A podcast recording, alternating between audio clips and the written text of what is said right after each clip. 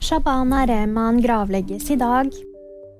LO-sjefen skal lede Aps valgkomité. Prins Harry hyller kong Harald. Shabana Rehman gravlegges i dag.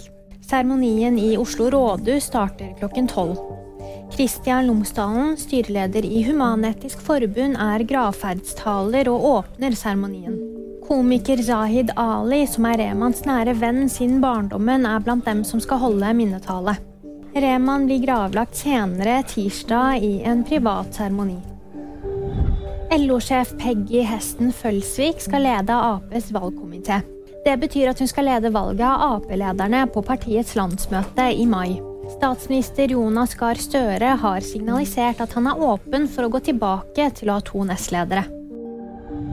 Prins Harry hyller kong Harald i et intervju med TV-kanalen ABC. Han berømmer kongen for å ha uttalt seg til forsvar for prinsesse Märthas forhold til Durek Verret, og for å gå foran i kampen mot rasisme som et godt eksempel.